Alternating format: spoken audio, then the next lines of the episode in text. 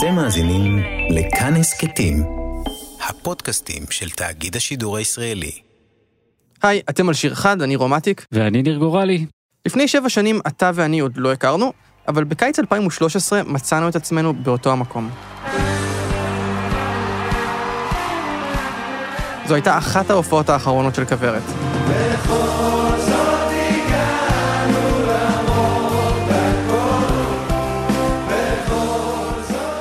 זו הייתה הופעה אדירה. אני מאוד מסכים, ואחד הדברים שהכי הגניבו אותי אז, היה שהקהל הכיר בעל פה לא רק את השירים, זה ברור, אלא גם את כל המערכונים. הוא נולד למשפחת קימל, עצוב ומיותר. מיד שינה את שמו ליהודופוליס ליפשיט כפעולת תגמול. וזה משהו שתמיד היה חלק מהקסם של כוורת, חיבור בין רוק מורכב וחדשני לדחקות. אבל בין המגפיים של ברוך לשיר המכולת היה שיר אחד שתמיד הרגיש לי קצת חריג. שיר שהתחיל כבדיחה, והפך למשהו אחר לגמרי. יש בשיר הזה מסתורים. אי אפשר לשיר אותו בבוקר, את השיר הזה. כששותים קפה ואוכלים ביצה, אי אפשר לשיר אותו. זה שיר לאחרי הצהריים והלאה. זה לא מתקשר לילד בגיל 23 שהוא בלהקה שרוב השירים שלה הם מצחיקים אה, וזה. אז הפעם בשיר אחד, הסיפור של ילד מזדקן.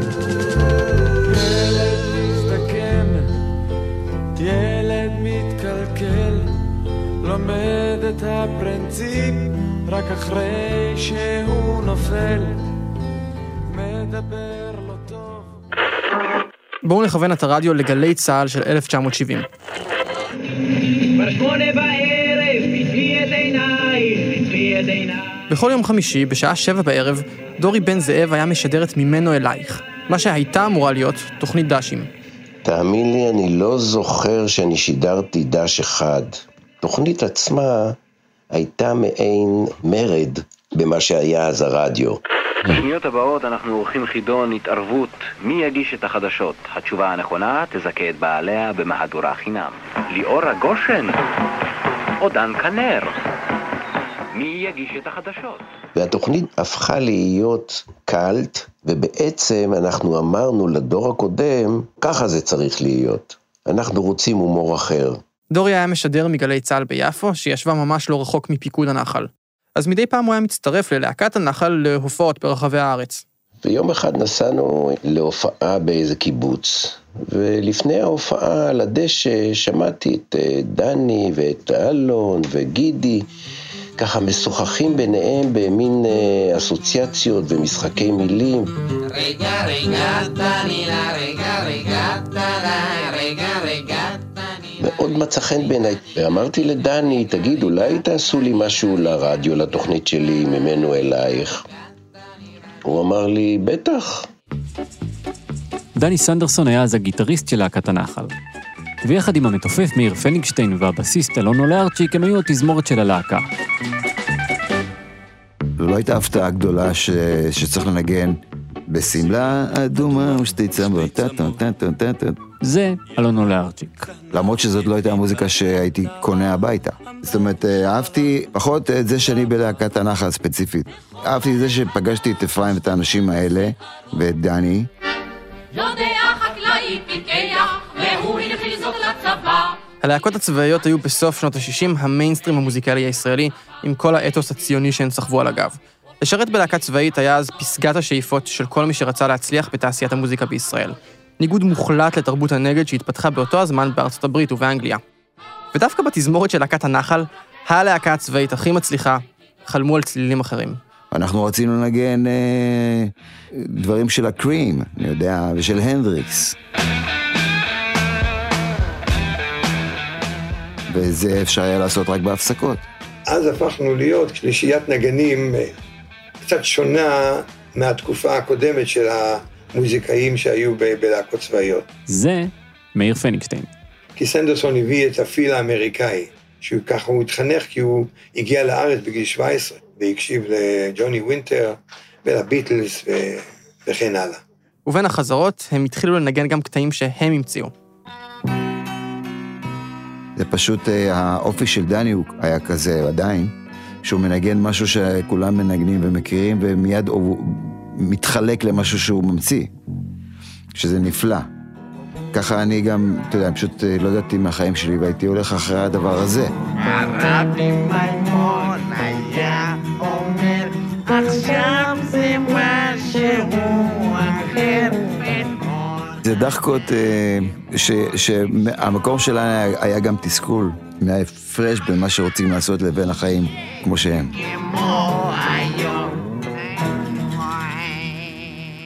ובנקודה הזו, דורי בן זאב קלט על הדשא בקיבוץ את הדחקות של דני ושאר החבר'ה, והזמין אותם להגיש פינה אצלו בתוכנית. תראה, הוא היה צחוקיסט לא קטן, דורי, וגם כן די מהפכן כשדה באותם ימים. זה דני סנדרסון. אני חושב שזה התחיל כבדיחה פרטית, מה שנקרא, אבל זה קפץ כיתה ברגע שאתה יודע, מישהו היה מוכן להשמיע את זה. סנדרסון היה הכוח היצירתי מאחורי הפינות. הקול שהוביל אותן היה של המתופף מאיר פניגשטיין והדמות שהמציא. הייתה לנו הופעה בקיבוץ מפלסים, ולפני ההופעה של להקת הנחל, עלתה להקת מפלסים, שלישייה של ארגנטינאים, והמנחה שלה עלה לבמה ודיבר בקול נורא מצ... שהצחיק אותי. ערב טוב לכולם, עם הידיים למעלה, אנחנו שלישיית מפלסים, ננעים לכם את הערב. וכשחזרתי לאוטובוס, פשוט חיכיתי אותו, וכולם התחילו לצחוק. זה, אני לא יודע מתי יצא לי השם פוגי. אז נולד פוגי. אז עם פוגי במרכז, דני והחבר'ה התחילו לכתוב ולהקליט את פינות פוגי לתוכנית של דורי בן זאב. זה היה בז- בזמן החופשי בעיקר, ובקושי יצאנו. המון המון המון עבודה בחברותה בעיקר. מנגנים, מקליטים, צוחקים, מבשלים ספגטי דרך אגב. האם זה נכון? האם זה נורא? באופן כללי זאת לא הייתה עבודה, זה היה hang. זה אפרים שמיר. היה לנו vibe משותף, אהבנו אחד את השני, שיחקנו במוזיקה. רוב המוזיקה שהיינו עושים אז היה דחקות. הם הקליטו על טייפ אצל דני בסביון, ופעם בשבוע היו מעבירים לדורי בן זאב, שהיה משדר אותן ברדיו. כמו שהן, ללא עריכה נוספת. ערב טוב לקהל באולם ולמאזינים בחוץ. וניגש לשיר הראשון שמבוצע על ידי צוות הווי כביש חיפה. האוהבים לקרוא לעצמם חמישיית אוטוסטרדוס. הם ישיגו את השיר שנקרא מכתב מעזה. בבקשה. ובבוא הציפורים בסהר לא כל הפינות קורות מצחוק, אבל אל תשכח שתמיד הפינות היו סביב פניגשטיין, שאתה יודע, עם, עם הדמות של פוגי, אז, אז האמת שזה היה סתם תירוץ בשביל לשמוע אותו מדבר. והשיר הבא מבוצע על ידי להקת קצב מאוגנדה עם הסולן חולילו לומברטה. הם יציגו את השיר רומפי דה רומפי, או בתרגום חופשי, אני אוהב פיצה. בבקשה. זה לפני הרשת החברתית וזה, אז אתה יודע, אתה קצת אה, ירית באפלה, חשב, קיווית שאולי ירית את הכדור, הוא יפגע במשהו, אבל לא היה לך שום מושג, אתה יודע, כי באמת, אה, זה היה מאוד אזוטרי, אני חייב להגיד, מאוד. ובאחד הסשנים האלה, אצל דני, נולד שיר חדש. כן, זה מתחיל עם רעיון שלי ושל פנינגשטיין. אני זוכר קצת. בוגי מתחשמל, בוגי מקבל כל מיני אלקטרובטים בגופו. וכל שפנינגשטיין דיבר ככה יותר, זה, זה כאילו כתב את עצמו, אתה יודע. יום אחד מגיע בוגי הביתה, ובדלת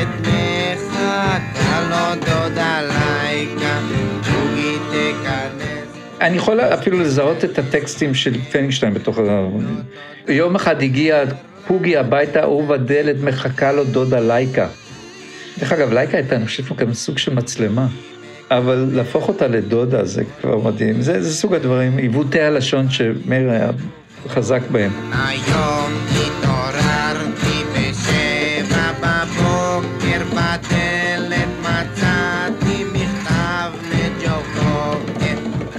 מה שהיה מאוד טיפוסי לאותם ימים, כתבנו דברים סוריאליסטיים, או אפילו דבילים, אבל, אבל ברצינות. והרבה פעמים המעטפת המוזיקלית הייתה קוהרנטית ו... ואפילו עם איזשהו עומק.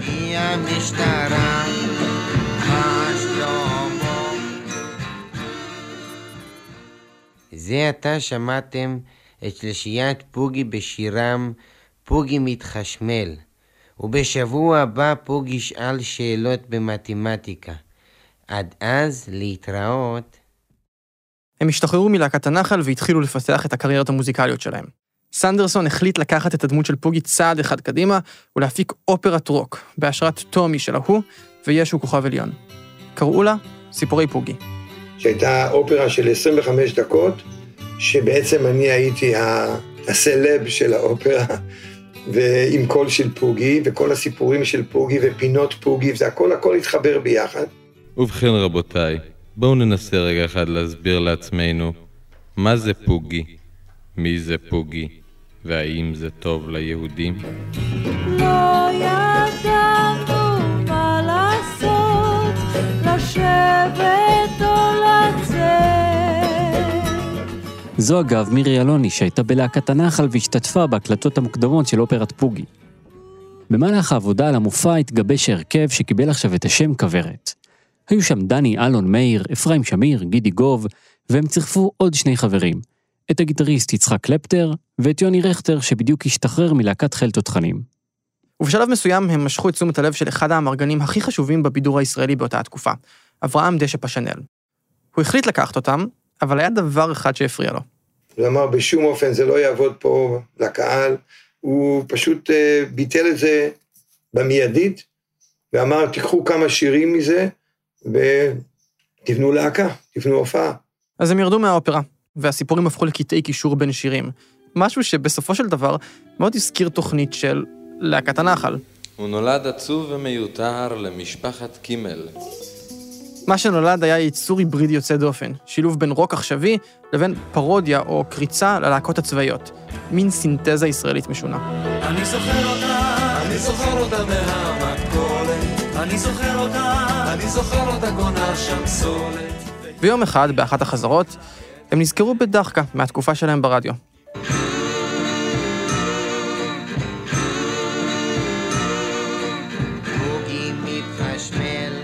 הייתה שיחה בלהקה די קצרה, האמת, של מה לעשות, לזרוק את זה, לא- האם זה טוב מספיק, פוגי מתחשמל? זה שוב אלון אולרצ'יק. הוא היה אוונגרדיסטי אולי מדי. זה היה סתם שיר אידיוטי, והמנגינה משום מה שהסיעה את השיר הייתה רצינית ואפילו יפה. דני אה, אמר, בוא נשנה את הגישה לשיר ונהפוך אותו לרציני, לא לבדיחה. אולי מישהו יכול להביא איזה טקסט אה, יותר טוב, או אחר. ייאמר לזכות אלון שהוא זיהה את המשהו הנוסף, את ה... שהיה בדבר הזה. ואז אה, אני קפצתי על המציאה הזאת, של המנגינה של דני. אמרתי, למה לא? אתה יודע. לך עם זה, אתה יודע. לא נפריע לך, מה שנקרא. באותם ימים אלון היה שותף בכתיבת חלק מהשירים יחד עם דני, אבל עד אותו רגע הוא לא כתב טקסט לבד בעצמו. יכול להיות שאני לא, לא הייתי מוכן שיבקרו אותי. לא- פחדתי שבלהקה יצחקו עליי, או לא יקבלו את זה, את השיר, ואז אני אקח את זה מאוד מאוד קשה, ויהיה לי תסביך כל החיים. ופשוט נמנעתי מהנקודה הזאת, מהמומנט הזה בח, בחיים הצעירים שלי. אחרי אותה חזרה הוא הלך הביתה, זה דירת עמידר בבת ים, זה דירת שני חדרים. ההורים שלי היה להם חדר, ולי היה את החדר הטוב יותר, כי הייתי בן יחיד, ונותנים לבן יחיד, הם נותנים רק את הדברים הטובים. על קיר אחד אפילו ציירתי אה, ציור של אה, שפן שיושב בתחתית של עץ תמר. למה?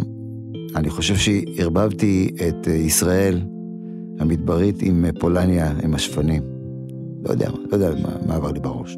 ובאותו הלילה הוא התיישב וניסה לכתוב טקסט. הכרתי את המנגינה טוב, זאת מנגינה פשוטה, ובלילה כתבתי את הטקסט, ורציתי שהוא יהיה מצחיק. כיוון שאם הוא לא יהיה אבסורדי ומצחיק, אז אולי הוא לא יתאים לשאר השירים ש... שיש בלהקה. היה לי חשוב שיהיו בו דחקות.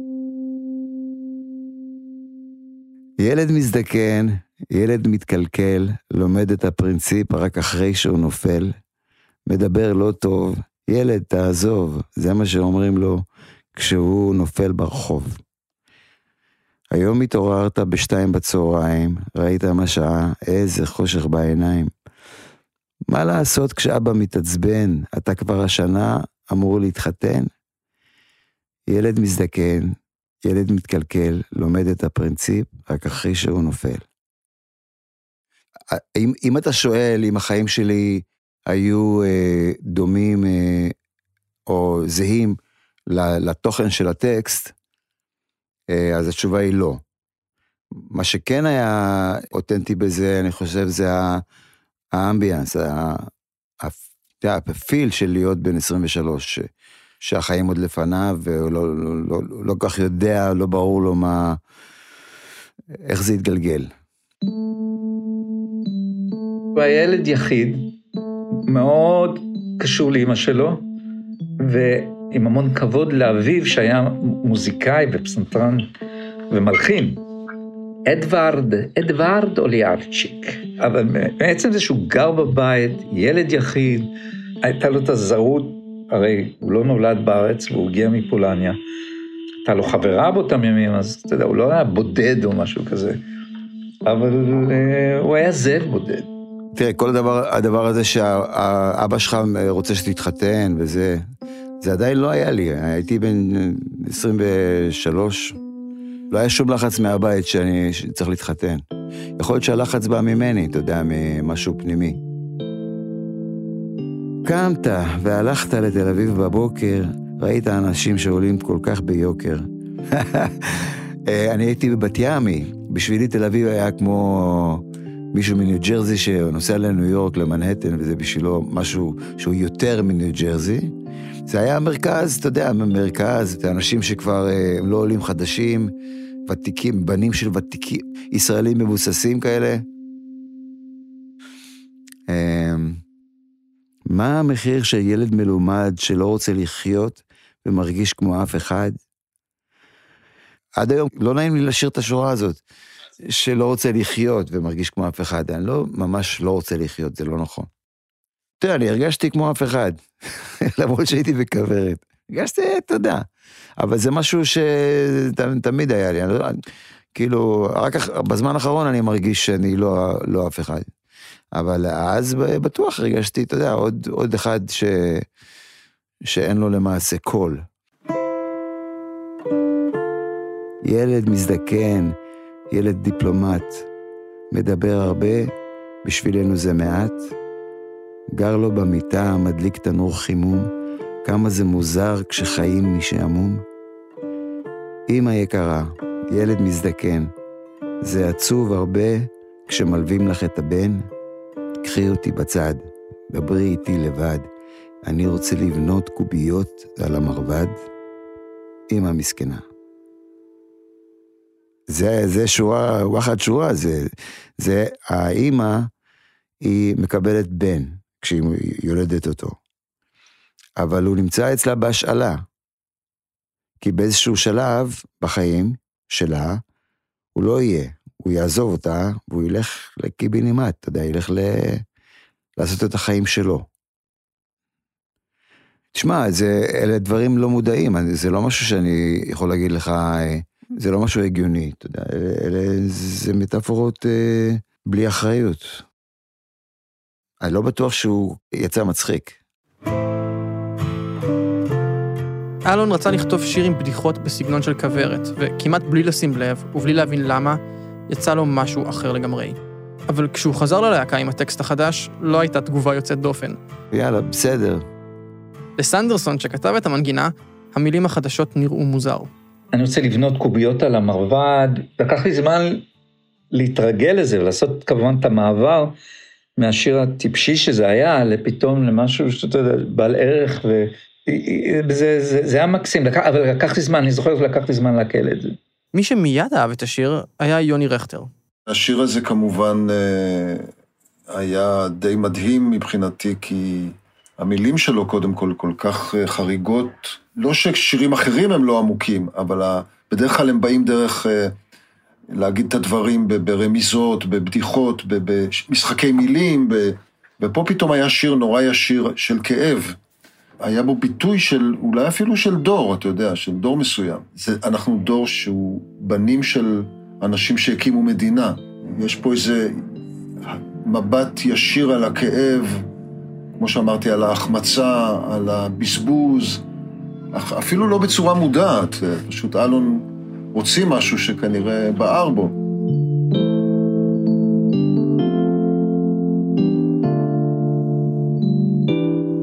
האלבום סיפורי פוגי הוקלט לאורך שנת 73 באולפני טריטון בתל אביב, חודשים ספורים לפני שפרצה מלחמת יום כיפור. מי שנבחר לשיר את ילד מזדקן היה גידי גוב. השיר מאוד ריגש אותי, ובאותה תקופה אלי מגן שר כל מיני אה, שירים עם להקתו, אחרית האימים וכל מיני כאלה.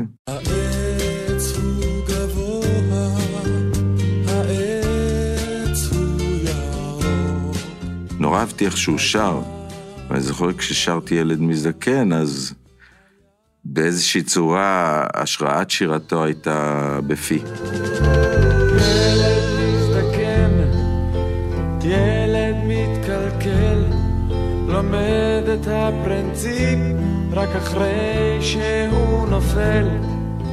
האלבום סיפורי פוגי יצא בנובמבר 1973, ממש אחרי המלחמה. הוא היה הצלחה היסטרית. וגם ילד מזדקן יצא לאוויר העולם. זה תמיד היה רגע קסום בכל הופעה, דרך אגב. פתאום עושים את השיר הזה, וזה רגע נורא רציני ונורא יפה ונוגה. אפרים שמיר זוכר דווקא שהקהל הגיב אחרת כשהתחילו לנגן את ילד מזדקן.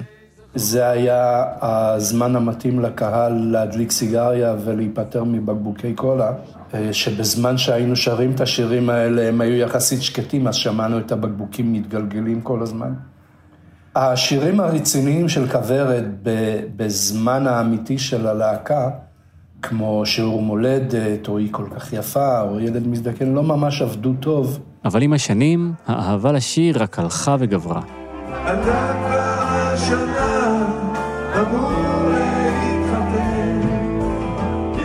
תראה, בגדול, השירים היותר רציניים תמיד שורדים יותר. כי אני חושב שתמיד שיר שבא מהלב הוא יותר חזק משיר שבא באופן שכלתני, או... למרות שאתה יודע, בהומור זה גם סוג של אומנות, שאני חס וחלילה לא אזלזל, אבל תמיד כשאתה נוגע ללב זה משהו, ש... רגע שנשאר איתך יותר זמן.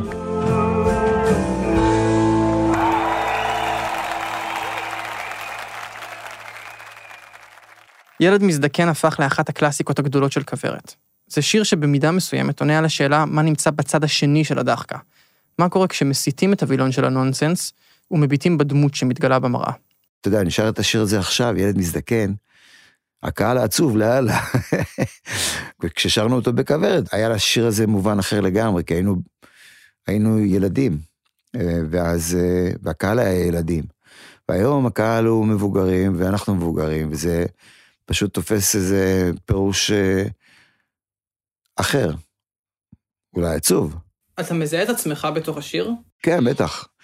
כן, אבל אני, לא- אני לא יודע, זה לא סגור לי אף פעם, אתה יודע, כי אה, אחת הסיבות היא שבאמת הטקסט קצת מסתורי, והוא מתעתע אותי, וגם בגלל שאני לא סגור מי אני עדיין, אז כאילו, אנחנו, גם השיר וגם אני אה, חיים עדיין, אה, ממשיכים לחיות כל אחד את החיים שלו, ונפגשים בהופעות, ואחר כך משתנים כל הזמן, אה, במשך הזמן.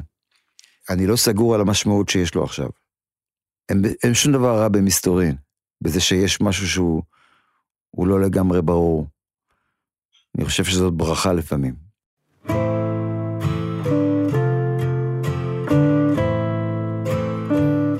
אתם האזנתם לשיר אחד. עורך הסאונד הוא אסף רפפורט, בצוות שיר אחד, תומר מולביטזון, מאיה קוסובר ואייל שינדלר. תודה לנדב סיינוק, שרון אלבז ויהודית רוזנפלד. תודה מיוחדת לגלית קלדרון. ולמור סיוון על הפקת הקטעים המוזיקליים. פרקים נוספים של שיר אחד מחכים לכם באתר וביישומון כאן. אתם מוזמנים להאזין גם לפרקים שעשינו על קריירות הסולו של חברי כוורת, עם סנדרסון ויוני רכטר. אנחנו יכולים גם לגלות שפרק עם עולה ארצ'יק כבר נמצא בעבודה. אני רומטיק. ואני ניר גורלי. תודה שהאזנתם. יאללה ביי.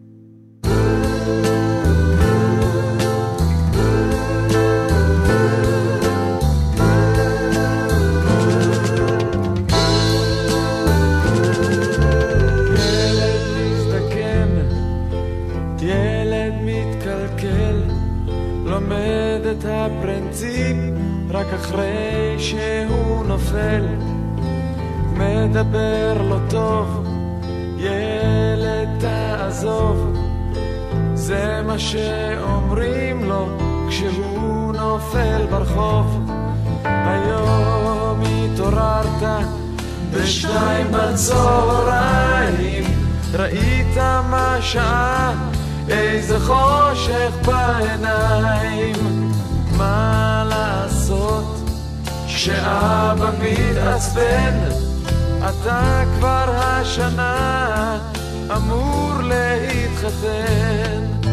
ילד מזדקן, ילד מתקלקל, לומד את הפרינציפ רק אחרי שהוא נופל.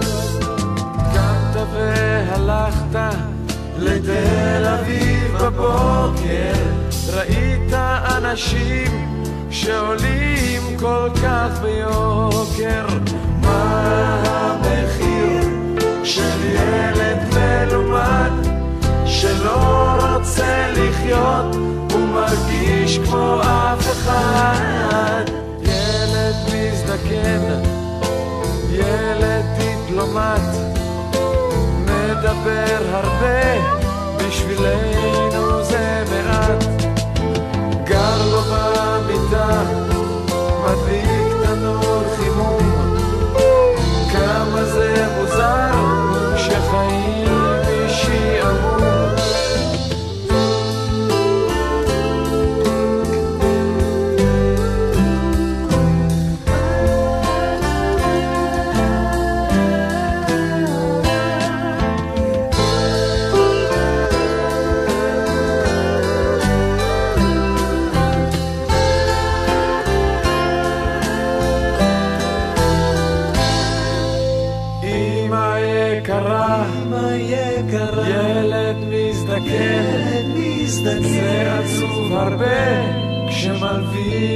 את הבן.